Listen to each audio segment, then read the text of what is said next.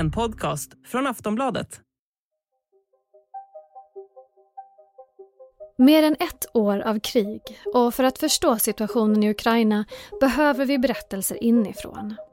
I dagens avsnitt beger vi oss till den östra delen av landet med hjälp av Aftonbladets team på plats.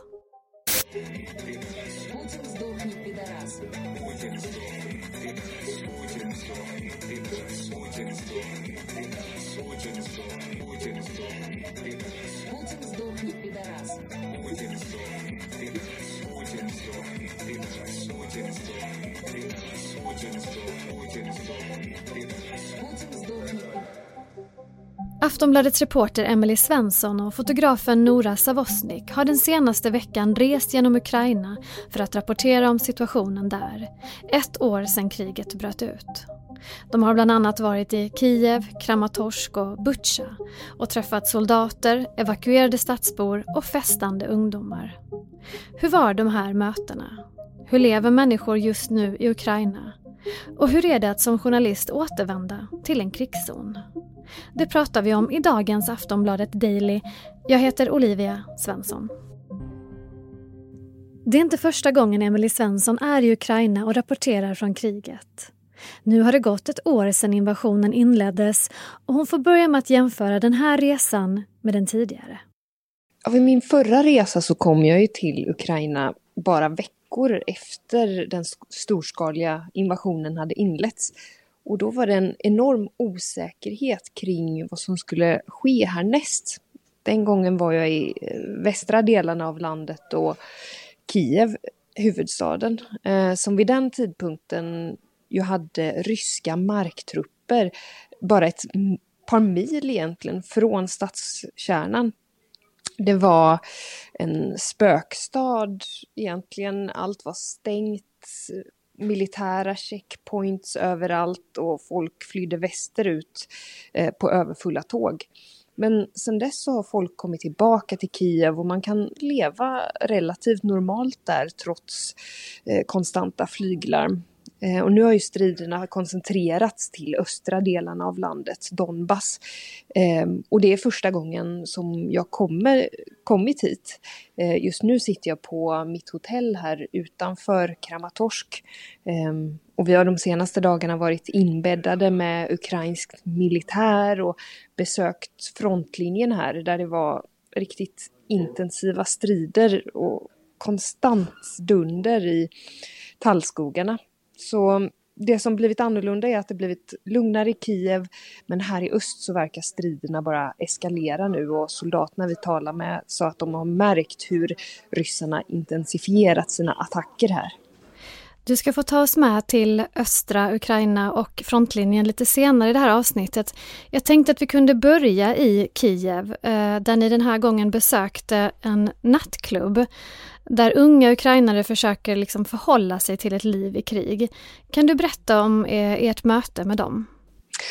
För det första är det ju utegångsförbud fortfarande i huvudstaden efter klockan 11 på kvällen. Så festandet får ju börja mitt på dagen och sluta ungefär vid klockan 10 så att alla hinner hem.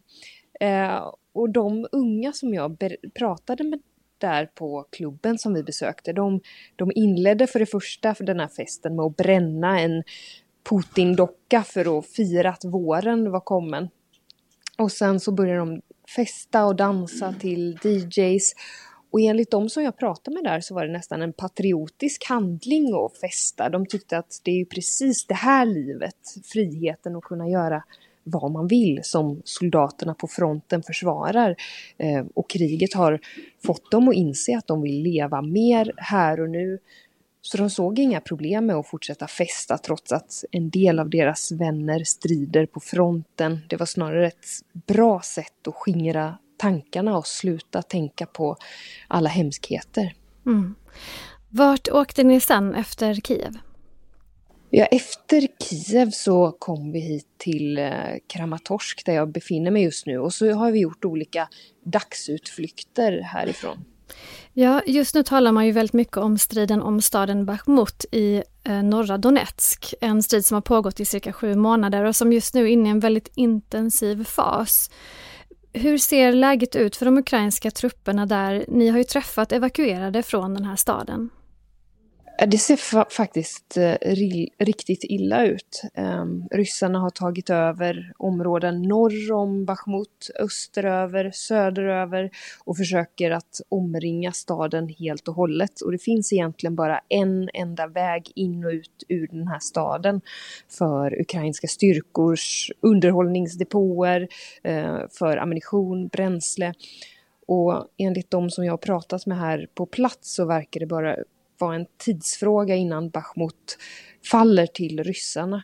Eh, enligt den senaste info som jag fått till mig i alla fall. Eh, så ukrainarna försöker stå emot men kan inom kort tvingas lämna helt.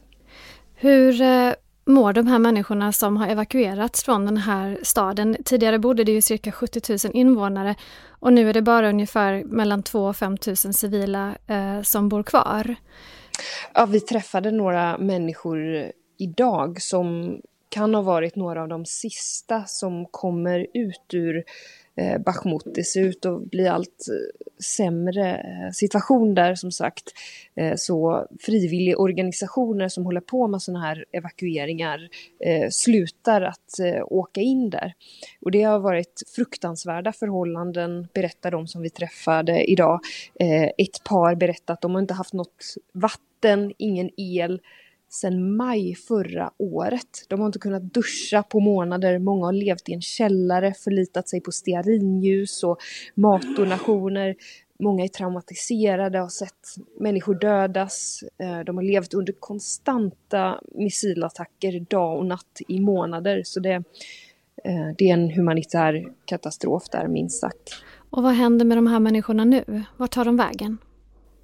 de som vi träffade idag eh, de började med att övernatta på en kyrka här i Kramatorsk och senare så kommer de att ta sig vidare i landet. Några skulle till släkt i eh, Dnipro bland annat och ta tåget imorgon. Eh, men många var väldigt känslosamma och hade vuxit upp i Bachmut och kände att det var jobbigt att nu behöva fly sin eh, stad innan det var för sent. Bakom alla rubriker pågår också ett vardagsliv för många ukrainare. Hur det ser ut pratar vi om efter den här korta pausen. Normally, being a little extra might be a bit much, but not when it comes to healthcare. That's why United Healthcare's Health Protector Guard fixed indemnity insurance plans, underwritten by Golden Rule Insurance Company, supplement your primary plan so you manage out of pocket costs. Learn more at uh1.com.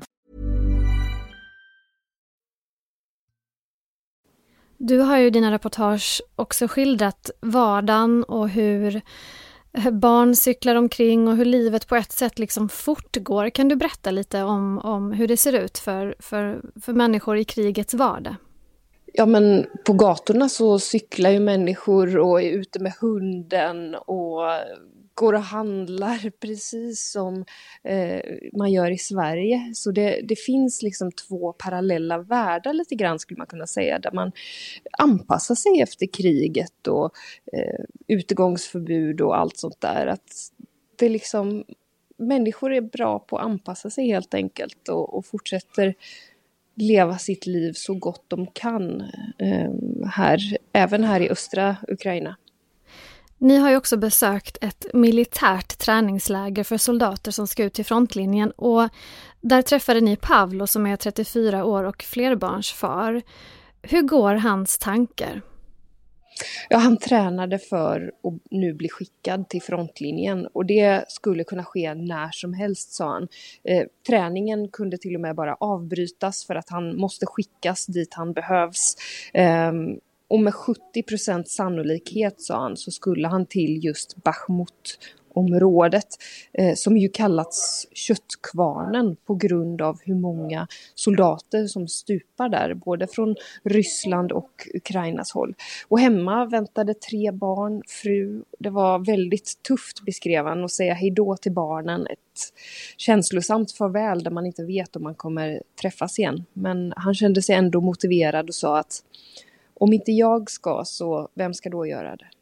Ni har också varit tillbaka i Butja, eh, massakern där chockade ju en hel värld.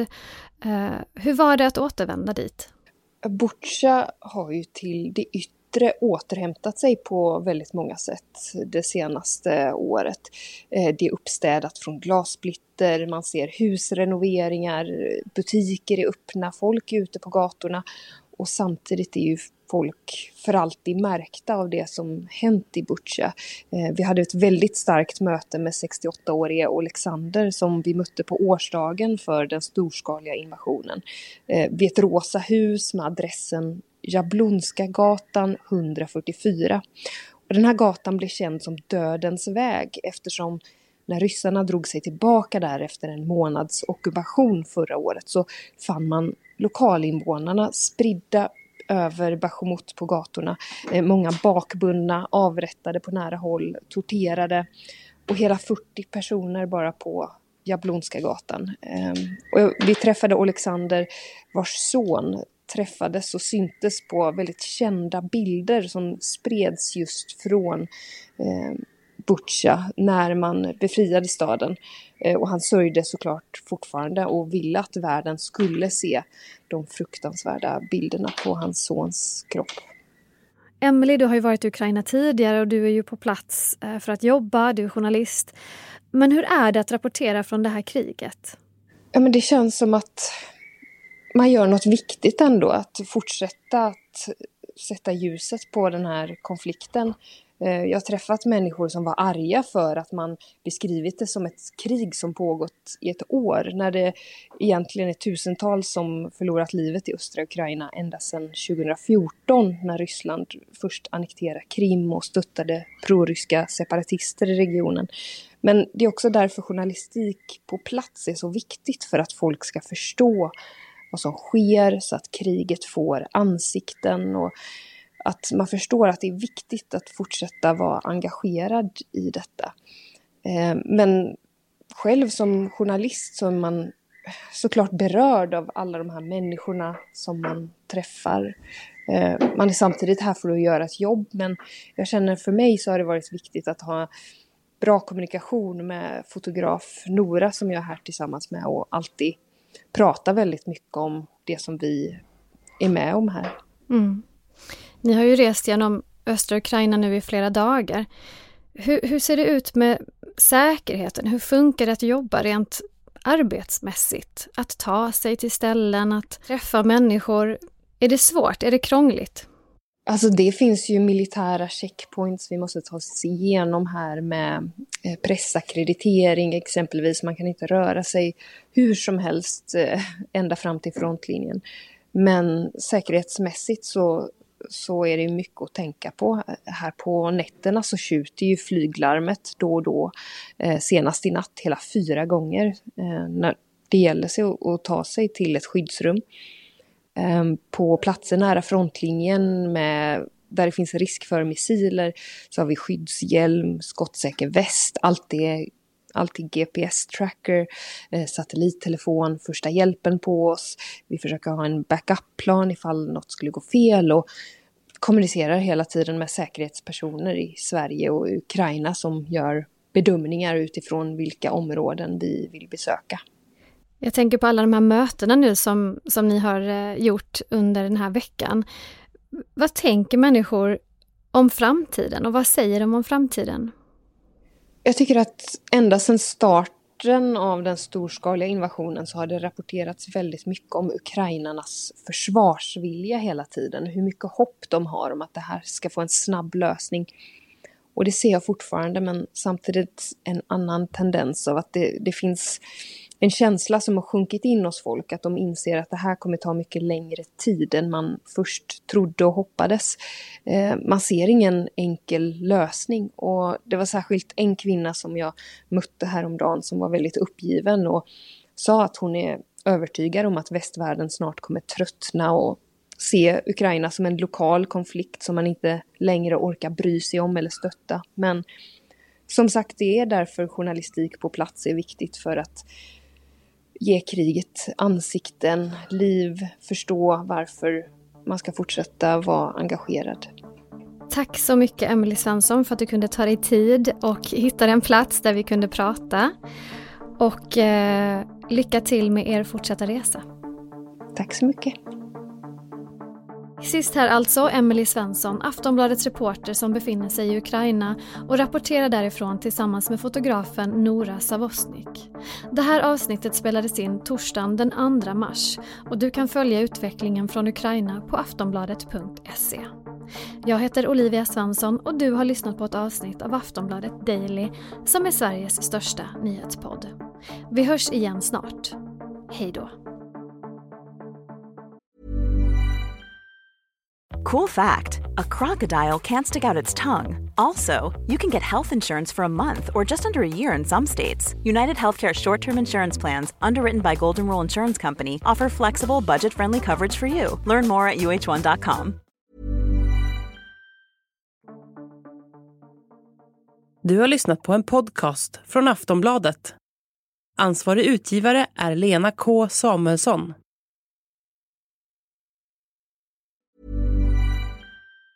Tired of ads barging into your favorite news podcasts? Good news. Ad-free listening is available on Amazon Music. For all the music plus top podcasts included with your Prime membership. Stay up to date on everything newsworthy by downloading the Amazon Music app for free or go to amazon.com slash news ad free. That's amazon.com slash news ad free to catch up on the latest episodes without the ads.